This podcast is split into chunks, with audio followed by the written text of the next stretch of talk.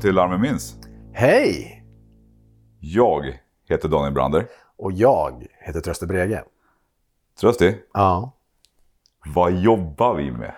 Vi jobbar som eh, brandmän. Och eh, vi är även fä- befäl ibland också. Ja, Härligt! kul. Kul att vara tillbaks. Kul att vara tillbaka. Nytt avsnitt. Ja, Vad Eh. händer den här gången? den här gången den här gången är det faktiskt så att det är din tur att berätta ett larm som du Mm. minns. Just det. Eh, och det ska bli väldigt spännande idag. Mm. Ja, jag hoppas det. Mm. Jag har sett fram emot den här veckan. Ja, okej. vad kul. Vet du varför jag har sett fram emot den här veckan? Eh, nej.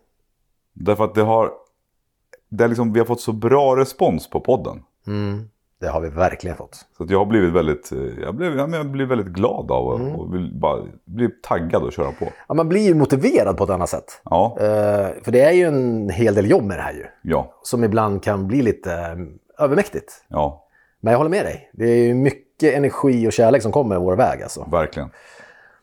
Ja, idag ska vi få höra eh, om ett larm som eh, hände för ett gäng år sedan. Och, men var jobbigt alltså. Eh, också, jag blev väldigt rädd kan man säga. Ja, Eh, men vi ska snacka mer om det efter tror jag. mm, det gör vi. Hör du, Mm. jag tycker du ska köra igång.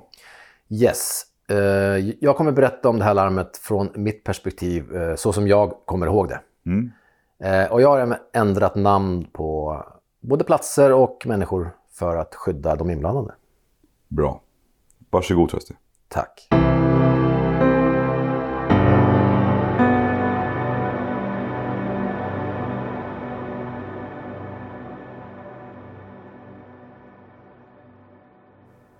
Nej, men lägg av nu. Vi äter ju där varje gång, säger Martin uppgivet. Det är en food court, Martin. Du kan äta vad du vill, säger jag retsamt. Det spelar ingen roll. Vi måste hitta ett nytt ställe, får jag som svar. Det är en varm aprildag och vi har precis samlats vid det runda köksbordet. Den dagliga diskussionen om var vi ska äta lunch är igång igen och vi har svårt att komma överens. Igen. Jag tittar på klockan och ser att den är några minuter i tolv. Fan, tiden springer iväg, tänker jag. Det börjar verkligen bli dags att åka om vi ska hinna med övningen. Vi har lovat att åka över till kommunens andra brandstation och öva rökdykning med dem i eftermiddag. Men innan jag hinner be mina kollegor snabba på med beslutet börjar min bärbara radio ge ifrån sig den välbekanta larmsignalen. Vi reser oss snabbt och påbörjar vår hastiga vandring genom den långa korridoren mot omklädningsrummet och brandbilen. Medan jag skyndar mig fram läser jag på den skakiga skärmen att det brinner i ett radhus i grannkommunen och att vi måste åka dit och hjälpa till. Du, eh, det verkar vara ett radhus, säger jag till Martin som går precis bakom mig. Hoppas att det inte går som det brukar göra, säger Martin med en dämpad röst. Om du frågar en brandman vad den tänker på när det går ett larm om en brand i ett radhus så tror jag att en gemensam nämnare ofta är att det är bråttom. Men också att vi kommer ställas inför en svår utmaning med att släcka branden. Branden har ofta börjat sprida sig på vinden innan vi kommer fram och det är svårt för oss att komma ifatt när branden väl fått fäste. Det går helt enkelt för fort. Att radhuslängor är en utmaning för oss har inom mitt yrke varit ett omdiskuterat ämne under hela min karriär. Vi får hoppas att den första styrkan är framme snabbt, svarar jag Martin. När vi kommer fram till våra skåp klär jag på mig kängorna, drar upp larmbyxan och slänger larmrocken över axeln. Jag tar hjälmen i andra handen och går raskt mot brandbilen med mina tre kollegor tätt efter. Idag åker vi i en brandbil som bara är bemannad dagtid och har en grundbemanning på minst tre brandmän. Idag är vi fyra stycken. Jag, Martin, JP och Benke. Vi åker ut från brandstationen och är snabbt uppe på motorvägen. I och med att branden är belägen i grannkommunen så kommer vi behöva åka en bra bit innan vi kommer fram till adressen. Det gör heller inte saken bättre att det pågår stora vägarbeten på sträckan fram till orten vi ska till. Under tiden lyssnar vi på larmradion i bilen med spetsade öron. Det vi kan höra är larmcentralens samtal med andra brandbilar på väg till samma brand.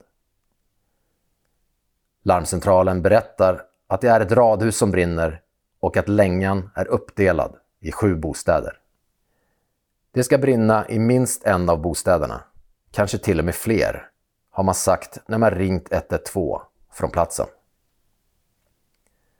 Fan, det låter ju inte bra att det redan börjar sprida sig mellan bostäderna, tänker jag.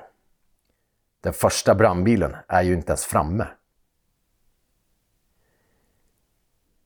Vi fyra som åker i brandbilen har suttit tysta och lyssnat på informationen som sagts över radion. Men nu börjar vi sakta sätta på oss vår utrustning, fullt medvetna om att vi kommer få jobba när vi kommer fram. Diskussionen om lunchen, den får vänta till senare. Mycket senare. Nu kommer äntligen informationen från den första brandbilen på plats. Det är en pressad röst som pratar. Minst två bostadsdelar brinner. Det slår ut lågor från taket på flera ställen. Ankommande styrkor anmäler sig till mig vid framkomst. Klart slut. Befälet på plats avslutar samtalet tvärt. Han har fullt upp med branden. Nu börjar min puls gå upp lite. Och vi har minst tio minuter kvar att köra innan vi är framme. Det känns som en evighet just nu. Men det känns ändå bra att det finns andra brandbilar som förmodligen hinner dit före oss. För det låter som att våra kollegor på plats behöver all hjälp de kan få, tänker jag. Vi åker fortfarande på motorvägen och är på väg över sista krönet innan avfarten. Då lutar sig Benke fram från baksätet och pekar ut mot framrutan. Är det där en rökpelare från branden vi ska till?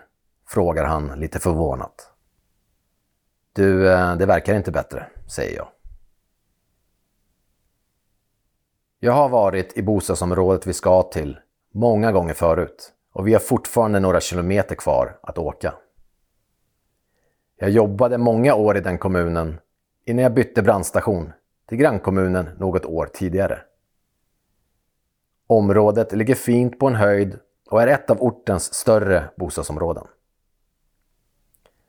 Men de tidigare gångerna jag varit där har det brunnit i en lägenhet, vilket området till största delen består av. Men nu ska vi till den del av området som består av radhus istället. Det är flera rader av radhuslängor som är byggda i en backe som går ner mot vattnet. Så att vi kan se rökpelaren redan nu från motorvägen är oroväckande. Ungefär när vi svänger in på vägen som går igenom hela kvarteret kontaktar befälet vår bil på larmradion. JP tar micken och svarar att vi snart är framme. Befälet ger oss i uppgift att skydda en närliggande radhuslänga. Han vill att vi ska stanna innan vi kommer fram till infarten till adressen. Och att vi ska ta med oss utrustning för att kunna skydda ett annat radhus från branden. JP säger att han förstår uppgiften och slår snabbt upp adressen på huset vi ska skydda. Stanna där innan busshållplatsen, säger han. Vi stannar på kvarterets genomfartsled som är rätt så trafikerad. Och nu kan jag se det brinnande radhuset för första gången. Eller rättare sagt, jag ser gaven på huset. Gaven är en 7-8 meter hög gul tegelvägg och bakom den ser jag lågorna sticka upp många meter till. Jag plockar på mig så många slangar jag orkar från brandbilen och mina kollegor gör samma sak. När jag sedan vänder mig om ser jag att vi måste över ett staket för att komma fram till huset. Jag kastar över slangarna över staketet och sen försöker jag så graciöst som möjligt själv hoppa efter. Väl över staketet står vi på gaven av den radhuslänga vi ska skydda. Fast i andra änden. Vår länga är fyra stycken bostadsdelar som är i ett och ett halvt plan. Den har röd träfasad med svart snedtak. Och det är nu vår uppgift att skydda den från branden i radhuset bredvid. Vi springer mot den andra änden och när vi är framme så börjar vi rulla ut våra slangar. Nu kan jag känna brandens extrema värme komma emot mig. Radhusen står väldigt tätt och vi är bara några meter från det brinnande radhuset. Utöver våra larmställ är den gula tegelväggen på det brinnande huset det enda som skyddar oss mot värmen och de stora lågorna. Jag drar slang till bilen, ropar Martin. Medan vi andra kastar ut slangarna framför radhuset. Plötsligt hör jag en röst ropa bakom mig. Rulla ut de där slangarna nu, snabbt. Det är bråttom, nästan ryter rösten. Det är befälet som vi tidigare pratat med på larmradion. Han är en kollega som varit befäl under alla mina år i yrket och är alltid cool som en filbunke. Men inte idag. Det är ju det vi gör, chefen, säger jag lugnt och vänder mig om. När våra blickar möts ler det stressade befälet. Förmodligen i insikt att det är liten idé att stressa på folk som redan gör det han bett om. Jag ler tillbaka och fortsätter arbetet och strax efter har vi våra slangar på plats. Redo att gripa in om branden börjar påverka vår radhuslänga.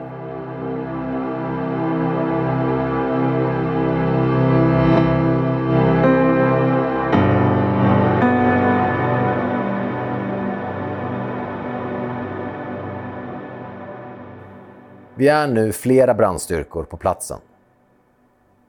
Jag går runt tegelväggen till framsidan av huset och ser kollegorna komma springande ut från en bostadsdel som fortfarande verkar vara intakt. De försöker rädda det som räddas kan och de som bor där. Fotografier och andra saker som är oersättliga för familjerna. På planen framför radhuset står det några möbler som de förmodligen lyft ut tidigare från andra bostäder. Jag tittar upp mot längans tak och inser direkt att det här kommer sluta illa. Det är inga personer skadade, men många familjer står nu utan ett hem. Taket är till större delen borta och snart avbryter våra kollegor sökandet efter saker i byggnaden. Andra kollegor sprutar vatten på taket men det dämpar bara ner de värsta lågorna. Just nu är tyvärr den uppgift vi fått, att skydda närliggande fastigheter, den mest effektiva. Vår uppgift är inte så fartfylld som den kanske låter. Branden verkar hålla sig inom det drabbade radhuset. Vi står mest och bevakar.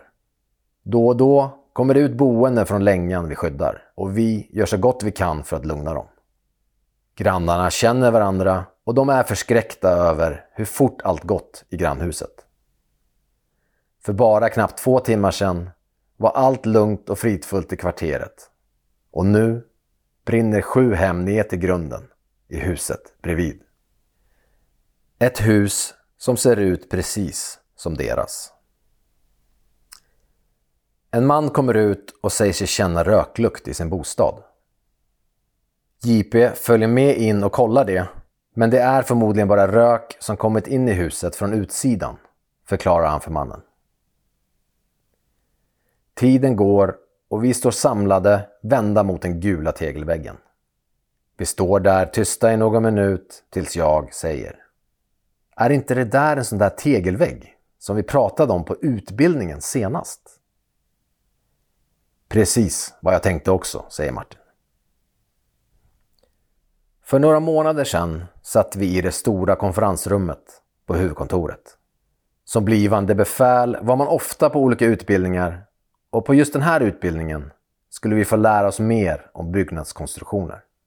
Vi skulle få lära oss om vilka risker vi skulle titta efter när byggnader och andra konstruktioner brinner. Vi var ett tjugotal åhörare som nyfiket tittade mot den vita duken. Det var ett blandat gäng av befäl från organisationen. En del var erfarna, en del mindre erfarna och jag och några till som var under utbildning. Föreläsaren var i full fart med att visa klipp på olika hus som brann och sen rasade. De flesta klippen var från Youtube och ja, de flesta var från USA. Och snart kom det flera klipp på rasande tegelväggar. Men vad fan, tänkte jag. Har jag fått det där med tegelväggar helt om bakfoten? Jag som trodde att de stod sig bra mot brand. Hur kan man annars ens komma på tanken att bygga skorstenar av tegel?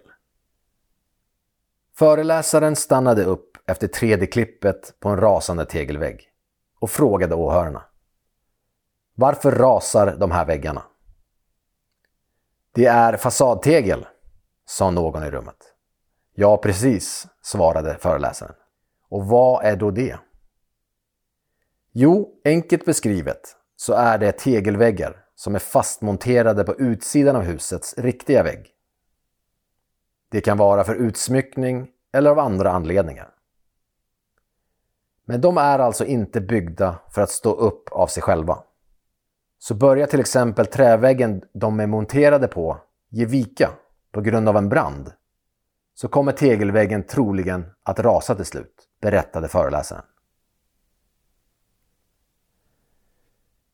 Det där är helt klart en sån vägg, säger Benke när vi står framför den gula tegelväggen. Men då står vi ju alldeles för nära, svarar jag. Just då kommer ett befäl förbi och frågar hur det går på vår kant. Vi berättar att vi inte haft så mycket att göra och att vi inte känner att risken för spridning av branden är så stor just här. Men däremot är vi oroliga för den här tegelväggen, säger jag. Vi är oroliga att den ska rasa på grund av branden.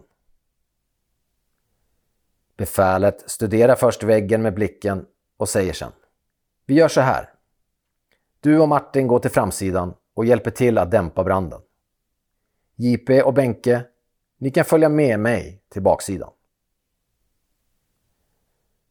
Jag och Martin börjar dra vår slang runt husknuten till framsidan och JP och Benke försvinner till baksidan av huset. Efter att vi flyttat på oss står vi nu på längans framsida och tittar in i det brinnande infernot. Hela längan brinner nu och värmestrålningen är enorm så vi får backa tillbaks en bit. Det finns knappt några tak kvar på någon av bostadsdelarna och på de flesta ställena ser man rakt igenom huset till baksidan. Sju familjer har förlorat sina hem. Och det har gått så himla fort, tänker jag. Det känns som att vi precis kom hit. Vi fortsätter spruta vatten på branden för att den inte ska bli för varm och börja hota husen runt omkring. Vi håller oss borta med vattenstrålen från tegelväggen och koncentrerar oss på att spruta vatten mer i mitten av huset, som det nu mer eller mindre bara är ett skelett kvar av. Vi har haft våra luftflaskor på ryggen hela tiden och Martin börjar ta av sig sitt medan jag lägger vatten på branden. Han frågar om jag är törstig eftersom det verkar finnas vatten att hämta på ledningsplatsen. Visst, om du orkar hämta vatten så kan jag dricka det, svarar jag. Martin lägger sitt luftpaket och skyddsmask i gräset och börjar gå iväg mot parkeringen där ledningsbilarna står. Jag vänder blicken mot branden när jag plötsligt hör dånet av något som ger vika. Jag tittar bort mot den gula tegelväggen och ser hur toppen vikt sig utåt och rasar ner med en enorm kraft mot marken. Resten av väggen faller ihop som ett korthus sekunden efter och ett kraftigt moln av damm och rök reser sig mot himlen. Vilken jävla tur att inte vi stod kvar där, hinner jag tänka. Men något är fel. När jag tittar bort mot Martin ser jag honom springa mot platsen där väggen rasat. Snart hör jag också höga rop komma från gaven av huset. Jag har lite svårt att se vad som händer där på grund av all rök och eld som uppstod när väggen rasade. Sen ser jag Martin titta fram runt husknuten och vinka till sig mig. Samtidigt som vi hör på vår komradio att det är brandmän som fått väggen över sig.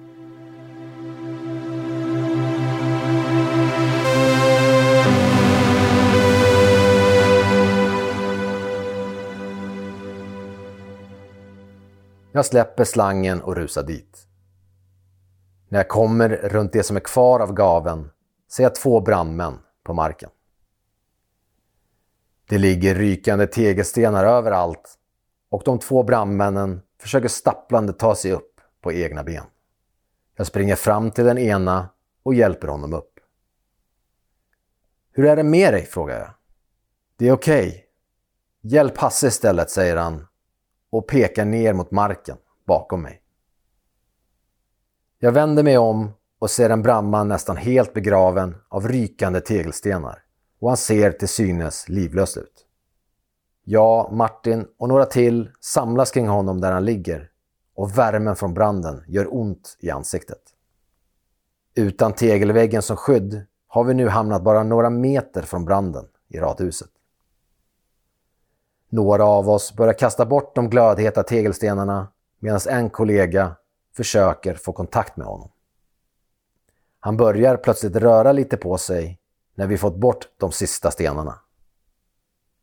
Det är benet, säger han och pekar neråt. Okej, vi ska hjälpa dig Hasse, säger en kollega. Och till vår stora glädje ser vi en ambulans som tvärnitat bakom där vi parkerat vår brandbil. Vi måste flytta honom från värmen, säger Martin. Vi hjälps åt att försiktigt flytta Hasse några meter från branden. Vilket han inte uppskattar, men vi har inte mycket val.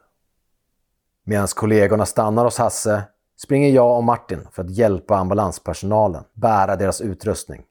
Och helt plötsligt befinner jag mig vid det där staketet igen. Det här staketet börjar störa mig riktigt ordentligt nu, tänker jag frustrerat. Ambulanskollegorna langar över saker till oss och jag hjälper en av dem att komma så smidigt som möjligt över staketet. Jag plockar upp en av deras sjukvårdsväskor och vi börjar springa mot platsen där Hasse ligger. När jag nästan är framme slår det mig. Jag måste meddela JP och Benke att vi är okej. Okay. De har nog hört om olyckan och är säkert oroliga för oss där på baksidan. Framme vid Hasse ger jag väskan till kollegan från ambulansen och tar upp radion. Benke, har vi kontakt? Ja, kom igen, svarar han. Bara så du vet så är vi okej, okay, säger jag kort. Jag väntar inte på ett svar utan stoppar ner radion i fickan och koncentrerar mig på vad som nu behöver göras. Hasse sitter nu nästan upp men är märkbart påverkad av smärtan.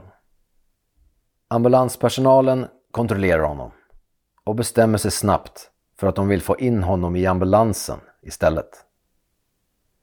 Det är rökigt och bullrigt där vi befinner oss, så de ber oss brandmän hjälpa till att lasta honom på båren och få in honom i ambulansen. Vi lyfter försiktigt upp Hasse på båren och börjar rulla bort honom. Det blir ett tungt lyft över staketet, men vid det här laget är vi många som kan hjälpas åt. Efter att Hasse är lastad i ambulansen börjar jag och Martin gå tillbaka till vår slang. De boende i längan som vi skyddat tidigare tittar ut och är oroliga för vår kollega. Vi försäkrar dem om att han får bra hjälp och att det är bäst att de håller sig inomhus på grund av röken som nu sprider sig utanför deras dörrar. Väl tillbaka vid slangen kommer JP och Benke tillbaka från baksidan. Vi hörde precis att det hänt en olycka vid väggen. Är ni okej? Okay? frågar Benke. Ja, vi är okej. Okay. Lite omskakade bara, svarar jag. Det var så märkligt, för vi märkte ingenting på baksidan, säger Benke. När du skickade att ni var okej okay, fattade jag först ingenting. Resten av insatsen håller vi fyra ihop och branden börjar snart mattas av. Vi får order om att vi kan lämna branden inom kort för att åka tillbaka till vår brandstation. Vi bestämmer oss för att plocka upp mat på vägen hem och det blir ingen större diskussion om varifrån. Det är det ingen som orkar. Väl tillbaka på brandstationen börjar jag känna känslorna komma. Skuldkänslor som ska sitta i ett bra tag. För vi hade ju sett faran med väggen. Men ändå hände en olycka. Sju familjer står nu utan ett hem och en kollega är skadad. Nej, det här var inte en bra dag på jobbet.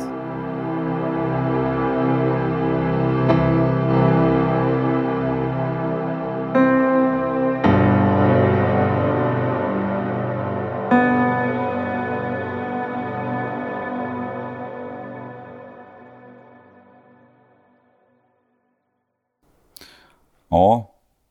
Eh, tack för det här Trösti. Mm, tack. Det händer en del grejer här. Det gör ju det.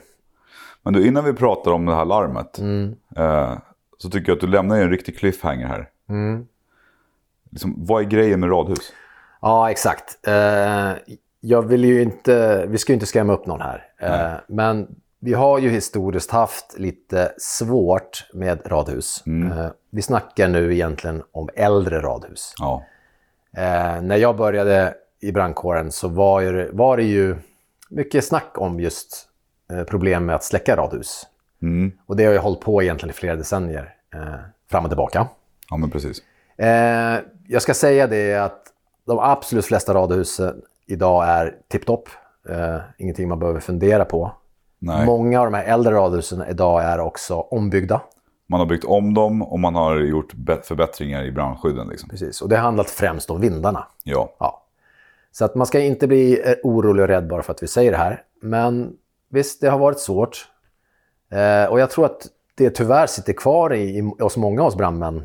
Att när vi hör radhusbrand Mm. och utlarmningen så blir vi lite stressade. ja. Vi inser att nu gäller det att ligga i alltså. Men det, är, det har också lite grann med, det, det har inte bara att göra med egentligen med att de är, att, som vi säger, de äldre radhusen är byggda på ett sätt som gjorde att det var svåra att jobba med, mot för oss.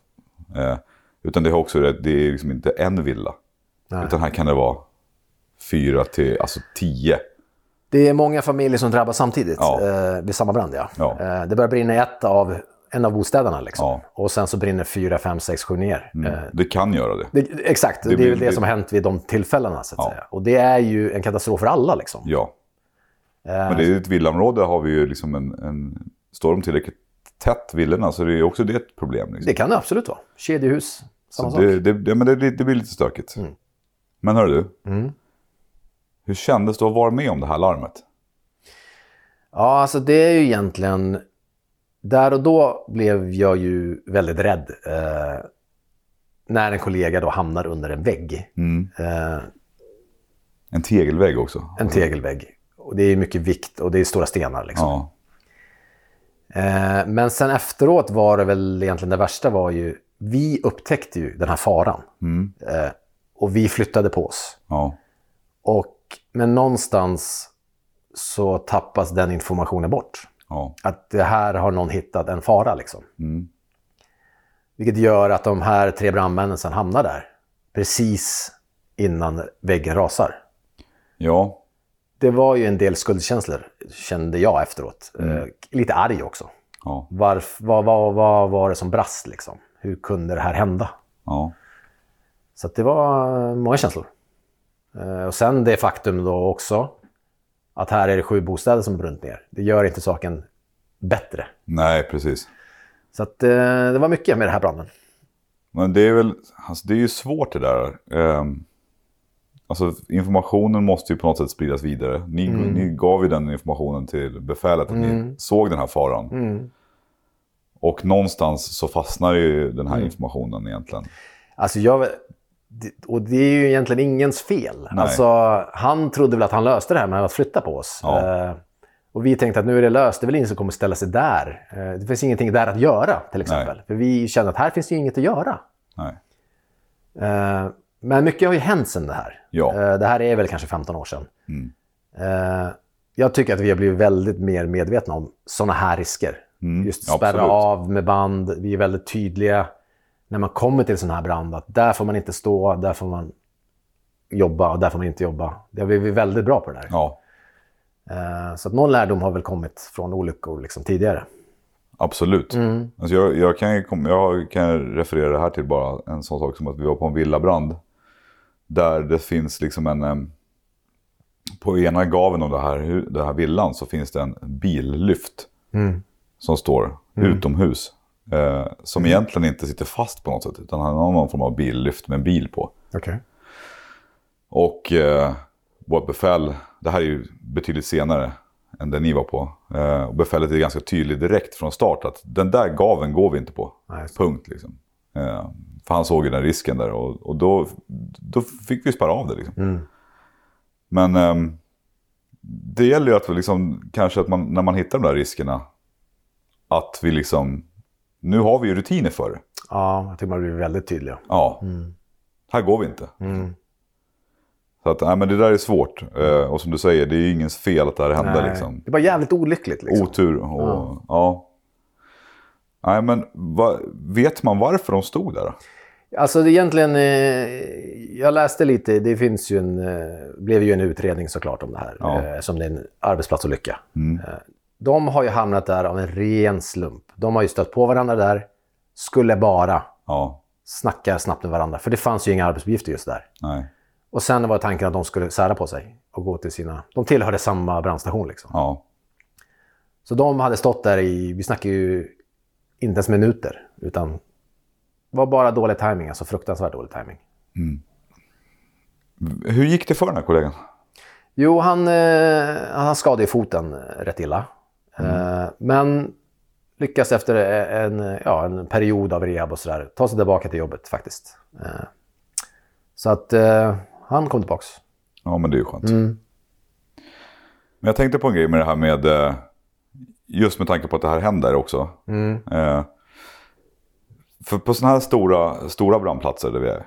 Eh, Men exempel då större men, industrier eller radhus. Eller, men där är mycket, st- stor, en stor brandplats helt enkelt. Vi är många där. Det är många sådär. där. Ja. Det upplevs ibland som att det kan vara, eller det kan faktiskt bli en känsla av att det blir väldigt rörigt liksom, på platsen. Mm. Och det kan ju vara så att alla har du, har, du har fått din uppgift och jag har fått min uppgift. Men sen ser man ju folk som rör sig runt överallt och det är liksom brandmän överallt. Och man vet, jag vet ju kanske inte riktigt vad du har fått för uppgift. Du har en uppgift men jag vet inte kanske om vilken uppgift du har. Liksom. ja, just det. Så det blir väldigt mycket folk som rör sig på platsen. Mm. Och framförallt om man får förstärkning från flera stationer. Men här är det ju liksom ett flertal sta- brandstationer där. Ja, absolut. Flera stycken. Alla har liksom sitt befäl, man delar in den här branden i olika sektorer. Mm. Alla har, gör olika saker. Så blir det väldigt en känsla av att det är väldigt rörigt. Mm. Så att ni kanske inte ens, även om ni hade sett, nu hade ni sett dem där så hade ni säkert sagt till att ni, där ska ni inte stå. Liksom. Absolut. Men det blir ju också väldigt mycket folk. Liksom. Ja, det blir det. Både brandpersonal och det är poliser som rör sig och det är ambulanspersonal som rör sig. Ja. Och sen har vi ju liksom eh, människor som är, och rör sig runt omkring som bor där också. Mm. Så det kan ju lätt bli en rörig plats fast den egentligen är, den är inte så rörig som man upplever egentligen. Nej, och jag tänker ofta på att, att hur det är att leda en sån insats. Ja. Alltså i befälen uppåt liksom. Ja, Det är ju en utmaning. Mm. Alltså det är mycket som ska göras. Det är många som är där som ska göra saker. Precis allt det där som du säger. ja, Eh, och, det, och, och sen kan det också bli det här, just det här upplevelseskillnaden. Att befälen känner att vi har koll, alla har fått uppgifter, alla vet vad de ska vara. Mm. Men att vi som står runt huset och jobbar upplever rörigt för att vi, som, som du säger, inte vet vad de andra egentligen har för uppgifter. nej. Alltså det finns ju en massa så här praktiska utmaningar. Liksom. Mm. Eh, jag tänkte på det här med mitt larm som jag berättade om förra veckan. Mm. Den här bilverkstaden som brann. Just det. Där, egentligen så står ju jag ju liksom på den här insatsen och gör egentligen inte mycket mer än att håller på och kyler och släcker, släcker ner saker. Med liksom inhäng, in i skydd av mitt rökskydd och det. Liksom. Just det, du har ju en mask på dig också, Ja. vilket gör att ditt synfält påverkas. Precis. Ja. Så jag ser ju folk som rör sig runt omkring hela tiden. Liksom. Ja, Eh, och har, blir egentligen ganska nollställd för vad som händer bakom mig. Liksom. just det. Så det, det, det, ibland hamnar man ju liksom i någon form av, ska man säga, kon liksom. Och bara fokuserar på sitt. Mm. Du Trösti, Mm. Jag fick ett eh, tips som vi ska skicka med våra, Ja, okej. våra kära lyssnare idag. Mm. Eh, det här med att testa sin brandvarnare. Det finns en, en eh, påminnelsefunktion för att testa sin brandvarnare via sms. Jaha, men ja. hur funkar den? Eh, ja, jag var tvungen att googla. Ja. För att jag visste inte heller om det här faktiskt. Eh, vilket är jätteförvånande i vårt yrke. Ja, Inte lite grann faktiskt.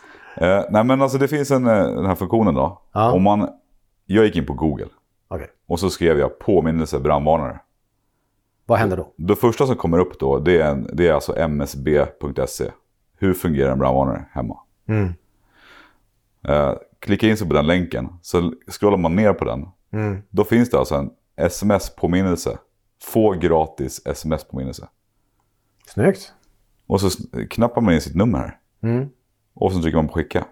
Då kan man välja varje månad, var tredje månad, varje halvår. Med start 1 december. Och 1 december varje år. Man kan Ah. välja de här fyra olika alternativen. Så det måste inte vara varje månad eller det måste inte vara bara en gång per år, utan man kan välja själv. Man kan välja själv Det är ha. ju smidigt alltså. Jag kommer att göra det här. Ja, jag kommer också göra det. Det här är jättebra. Eh, så gå in och gör det. Mm. Bra tips. Googla. Du, eh, har vi då fått några frågor? Om vi har, om vi har fått frågor. Och det här är min lilla punkt som jag... Ja, det här är, det här är min- det här är lite din här är grej. Min, det här är min ja. grej alltså. Ställa frågor och... Ja, men vi börjar då. Ja. Eh, det här första frågan tycker jag är rätt kul. Och den gillar vi. Mm. Eh, har vi fått uppskattning för något vi har gjort? Och hur gör man det? Om man vill liksom ge räddningstjänsten en uppskattning. Jaha. Ja, okej. Det har vi ju fått. Eh, alltså verkligen. Eh, Eh, har du någon- framförallt så tycker jag väl att folk... Vad tänker du på när, du- när du säger att vi har fått det? Ja, men alltså, fikabröd. Ja, jag kände på mig att det var det du var ute efter. Eh, och det uppskattar vi ju såklart. Det uppskattar vi. Ja, ja. Sen är det ju så att ett, bara så att folk uppskattar oss är ju roligt. Liksom. ja. Eh, men det har ju faktiskt hänt att eh, på, exempelvis på den här eh, biverkstaden som jag hade sist. Mm. Där kom ju faktiskt ägaren efter ett halvår eller någonting, kom ju till station med tårta. Liksom. Mm. Det behöver man inte göra. Nej, nej, nej, nej, nej. Men jättetrevligt. Det var ju jättetrevligt. Alltså. Ja. Men då fick vi också en pratstund med den här människan. Just det. Vilket jag framförallt det är ute efter. Okej. Alltså att de kom, om det händer någonting och de uppskattar, alltså men nu, nu händer det dig någonting. Mm. Eh, vi är här, vi släcker ner liksom ditt hus. Mm. Eller du skadar dig. Mm. Och då, att du bara dyker upp på stationen sen. Mm. Då blir vi jätteglada av att se. Alltså, ja, men, du mår bra liksom hela den biten. Precis. Och, och jag har ju också varit med om att det är ju en del i bearbetningen efter olyckan. Ja, Att träffa oss. ja. Och det ställer vi också jättegärna upp på. ja absolut. Så att har man varit med om något, det är bara att vända sig till, till den räddningstjänsten som var där. Ja. Eh, och kanske säkert få hjälp att även träffa de från ambulansen eller vem som helst. Liksom. Ja. Ja. Och är det så att man liksom åker till stationen. Mm. Eh, det kan ju faktiskt vara så att inte det, det, det liksom arbetslaget, det skiftet ja, det. som var där. Men man kan ju också bara ringa till brandstationen och fråga sig. Jag var, på den, jag var med om den här händelsen. Mm. Eh, brandkåren kom till mig. Skulle ni kunna hjälpa mig att få reda på vilket skift det här var? Så kanske jag kan komma till dem när de jobbar någon dag. Liksom. Mm. Ja, men absolut. Det går att lösa liksom. Men eh, sen, sen är det ju så, alla brandmän uppskattar ju någon form av fikabröd. Det gör ju... Alltså jag tror vi kan tala för hela landet. Ja, hela eh, I den Sverige här frågan. Ja. Ja. Men du, jag har faktiskt märkt en sak till. Ja. Eh, Jag tycker att de senaste åren har det blivit lite mera som USA nästan. Alltså jag tycker ändå att folk på stan, Ja, när de ser oss, bara så här tackar för vårt jobb. ja, Vilket är jättemärkligt för mig, Ja. eftersom jag är så ovan vid det. ja. Jag blir nästan osäker på om de, här, om, om de drar ett skämt eller inte. Men det har blivit lite mer så att man säger det. Och det, det är jättefint. Alltså, Det det behöver man heller inte göra. Nej, alltså det, det, det, här är är ju nice. vårt jobb. Ja.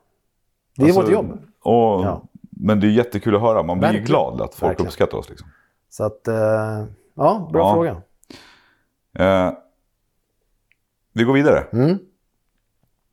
Eh, då har jag en fråga som lyder så här. Hur, våra, hur påverkas era familjer av ert yrke? Tar vi med jobbet hem? Mm. Vad tänker du där? Ja, men då hade hon faktiskt, eh, som skickade in den här frågan, hon hade eh, tänkt på det här med när jag åkte på ett hjärtstopp som visade sig vara ett mord. Mm. Hur liksom mycket kan vi prata hemma om de här med tystnadsplikten och liksom de bitarna? Och mycket liksom, hur, hur märks det hemma? Just det. Har du något bra svar på det? Eh, jag tror att det där, alltså såklart, är väldigt olika mellan oss brandmän. Mm. Hur mycket vi väljer att ta hem. Ja, När det gäller sekretessen så är det väl ungefär samma sekretess som det är nu. När Ja. du och jag pratar med varandra i en podd. ja, Det är väl ungefär så här mycket man kan prata. ja, Eh, utan att röja vem man pratar om eller att på något annat sätt liksom avslöja detaljer. Vilket egentligen betyder också att man kan ju faktiskt berätta väldigt, väldigt mycket. Ja. Eh, så länge man är försiktig med sådana detaljer. Men så länge man inte, så länge vi inte, precis som du säger, röjer vem det här är och vart det här är och liksom de bitarna. Så kan vi ju prata med våran, liksom, vår familj hemma. Verkligen. Och vilket jag tror är ganska viktigt också. Det är viktigt, men det är nog väldigt olika tror jag. Eh, kanske en generationsfråga, jag vet Ja. inte. Eh, jag vet att jag själv har blivit mycket, mycket duktigare på det här. Mm. För att jag känner att det är skönt. Så att, eh, ja, det skulle nog, som du säger, tipsa om att faktiskt göra det. Mm. Alltså om du har ett jobb som är stundtals jobbigt, oavsett vad det handlar om. Jag tror att det är bra. Det är jättebra ju. Eh, så fick jag också då, eh, det här med hur vi hanterar allmänheten på larm. Alltså typ nyfikna medborgare som är, liksom, vill veta vad som händer och sådär. Eller kanske vill hjälpa till och sådär. Hur vi hanterar det. Eller exempelvis då, typ, om vi, vi står och väntar på typ ett beslut med bilarna. Där det ser ut som att vi inom situationstecken står och hänger. Liksom. Mm, Är du med? mm, just det. För ibland står vi och hänger bakom bilen liksom, och gör ingenting fast det, liksom, det, det, det är någon som behöver hjälp här. Just det. Och vi håller på att bestämma oss för hur vi ska göra. Ja, exakt. Hur, hur hanterar vi liksom allmänheten när de, om ni förstår vad jag menar med tränger er på liksom. Mm. Typ så. Vad tänker du där? Ja, men det är ju lite olika egentligen hur, hur vi hanterar det. Svårt att svara generellt skulle Ja, jag alltså, säga. om man säger på hur, om man är nyfiken och undrar vad det är som har hänt och sådär, då har vi väldigt svårt att svara på det ibland. Ibland kan vi inte svara för att vi inte själva vet. Eh, vi kanske inte kan svara för att vi inte får säga. Och, men det är lite olika med det där, liksom, hur vi kan svara på saker. Också vilket läge insatsen är i. Exakt. Har vi ens tid att prata? Ja, verkligen. För jag har faktiskt varit, in, alltså, jag har nog upplevt ibland som att jag kan ha varit otrevlig mot, eh, mot allmänheten. Liksom. Jag med, 100 procent. Ja. Vilket är absolut inte meningen. Men jag kanske är stressad just där och då och har inte riktigt tid. Liksom. Nej. Och fokuserar på något helt annat. Så ibland har jag bara sagt att du får backa undan. Liksom. Gå, gå härifrån. Liksom. Och då kan de säkert uppleva mig som en otrevlig människa. Liksom. Jo, men precis. Och då är man ju också en ambassadör för, för yrket. Ja, Och då är man jävligt otrevlig. Liksom. ja. Det blir ju fel. Det blir ju fel, men det är ju så det blir. ja. Liksom. Men vi måste ju fokusera på det vi gör. Liksom. Men jag vill ge ett väldigt tydligt tips här, Mm. eh, som jag har sett hända fler gånger. Ja, Det är ju att vid olyckor när vi jobbar så är det ofta så att polisen spärrar av ett område. Mm. Så att vi ska kunna alla jobba i fred. De, vi och ambulansen. Gå inte innanför de avspärrningarna. nej, Det gillar inte poliserna. nej, Eh, Jag vill bara säga det. Eh, De tar den här avspärrningen på största allvar. ja, Jag har sett där man har åkt ut genom det här, över den här eh, tejpen väldigt, väldigt snabbt igen. ja. När man har klivit innanför. Så att, don't do it. Men det är ju avspärrat av en anledning. Ja, och det är, de tar det seriöst. Liksom. Ja. Och vi med såklart. Men Eh, när man ändå kopplar det här till liksom hur vi kan upplevas. Så fick jag faktiskt ett, eh, en fråga av en, eh, en person som jobbade på ett hotell. Okej. Eh, där liksom, jag har svarat eh, henne i, i mejlet, för det var ganska ingående liksom, hur man ska hantera som hotellpersonal. Hon, hon jobbade med att städa på hotell. Och hur hon ska hantera det här om det går brandlarm. Just det. Eh, ska hon knacka på dörrar och liksom den här biten. Och då hänvisar jag till att det, det här är någonting som hon ska prata med sin arbetsgivare om. Liksom. Mm. Det är deras ansvar att se att brandskyddet fungerar. Och hur deras rutiner är. Eh, problemet med det här caset var ju att hon hade, det hade gått ett automatiskt brandlarm på, på det här hotellet. Och då var det en person som inte ville lämna. En gäst. En gäst. Eh, så hon hade ju bankat på dörren liksom och så här. Och, och försökt få med honom ut, men han kom väl ut senare. Liksom. Och när hon möter upp brand, eh, brandpersonalen utanför så frågar de om det finns någon person kvar och hon säger ja det är en person kvar där inne och han har, verkar, verkar inte vilja komma ut. Liksom. Eh, till slut kommer den här personen ut och hon säger väl åt honom typ att eh, ja, eller, ja, men nu är han ute. Liksom, så. Eh, hon får ingen medhåll från de här eh, brandmännen. Utan de flinar åt henne istället. Lite så här... Hon- vänta, de får ingen medhåll i vad då exakt? Att, att han inte kom ut. Ja, att, hon att det var ett problem, Att det var ett typ. problem. Liksom. Mm, mm, jag fattar. Hon känner väl lite grann att brandpersonalen inte tog henne på allvar. Mm. Och att de liksom flinade lite grann åt henne. Eh, hon, Jag tror att hon kände sig rätt, fick lite en dålig känsla där av personalen. Lite förlöjligat kanske man känner ja, sig då. men typ. Ja. Och det gillar vi inte. Nej, det, det, absolut, det gör vi ju såklart inte alls. Eh, kan man... Finns det något försvar här, tycker du? För det, det bemötandet? Från, eh, Jag tycker inte, det är inte okej bemötande. nej, det är inte Om okej. hon känner att, liksom, att hon har försökt göra sin, alltså försökt få ut den här personen. Eh, nej, det, det, jag tycker inte att det är ett okej bemötande. Nej. Eh, men jag, jag svarade till henne också att jag tycker att det är dålig stil. Ja, Liksom. det är jättebra. Eh, så skärpning, Brand-Sverige. Mm. eg- Egentligen. Det är snyggt. Men ja, Vi är inte perfekta själva. Så att, nej det är vi verkligen inte. Långt ifrån. ja. Sista frågan. Yes. Om vi får någon utbildning för att hantera olika, alltså, olika otäcka saker på larm. Och då är det frågan ställd så här att om det här med typ, vi kommer fram till som eh, ditt, ditt eh, case där med tåg, eh, eh, personen under tåg. Just det. Eller liksom en mordplats och de här bitarna. Om vi individuellt får någon utbildning att hantera sådana saker. Mm. Och egentligen så, vi har ju liksom ingen utbildning, vi har ingen utbildning så. Nej, jag sitter och funderar på vad det skulle kunna vara för utbildning. Jag vet att jag, när jag gick eh, liksom brandutbildningen, brandskolan så att säga, Mm. så skickade de just på en dag på obduktion. Mm. Eh, jag vet inte vad poängen med det egentligen är. Nej, Är det för att vi ska härdas eller är det för... Jag, så eh, jag har ju faktiskt sluppit det. Ja, det finns nog inte kvar, Nej, hoppas jag. alltså det är ju en jättekonstig situation liksom. Är det liksom, var det då en tanke kanske som någon form av utbildning? Att vi skulle härdas? För det enda det gör är att man får bara massa, ännu mer hjärnspöken. Ja, Tyvärr. ja.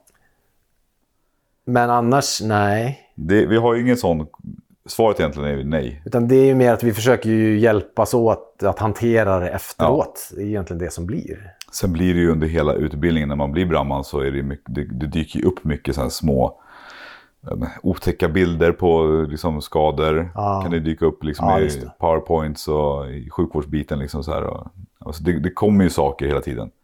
Men vi har ingen utbildning i sig som liksom, riktar sig på, på liksom, otäcka grejer. Liksom. Ja, Jag tror att jag har fått kanske lite tips av äldre kollegor. Ja. Jag vet att jag fick ett tips. Det var alltid så här, men för, föreställ dig det värsta. Ja. Typ, om vi åker på en trafikolycka och vi får veta att det är en, en person skadad. Föreställ dig det värsta i huvudet. Så, Mm.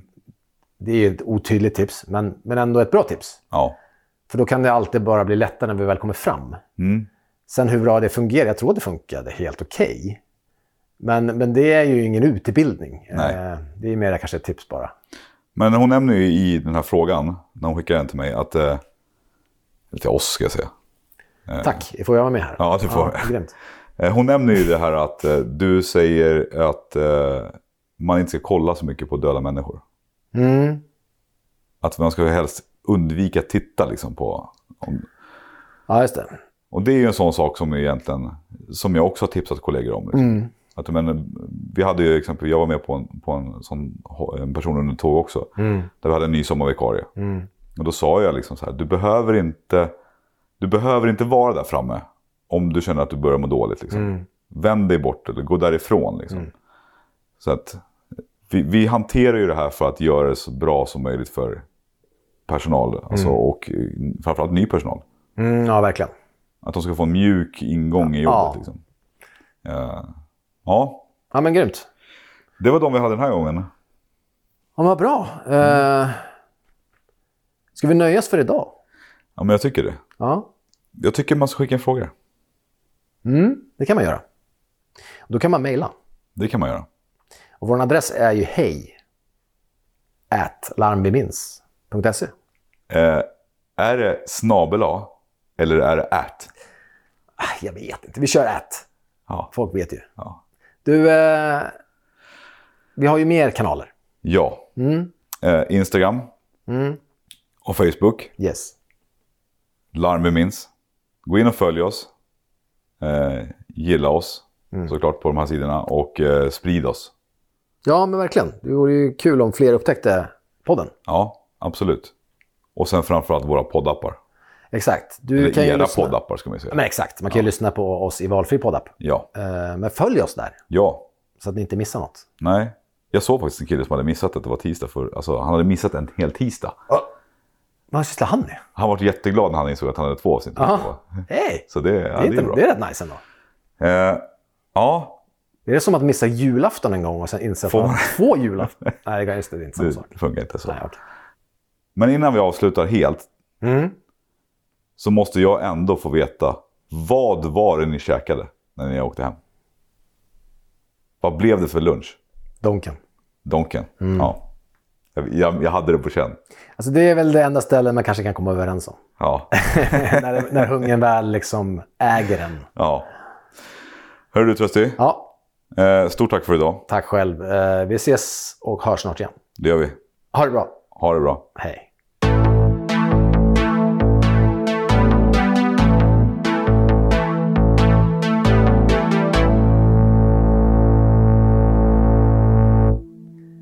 Larm vi minns produceras av Malin Brege, Trösti Brege och Daniel Brander. Ljud och musik Marcus Söderberg.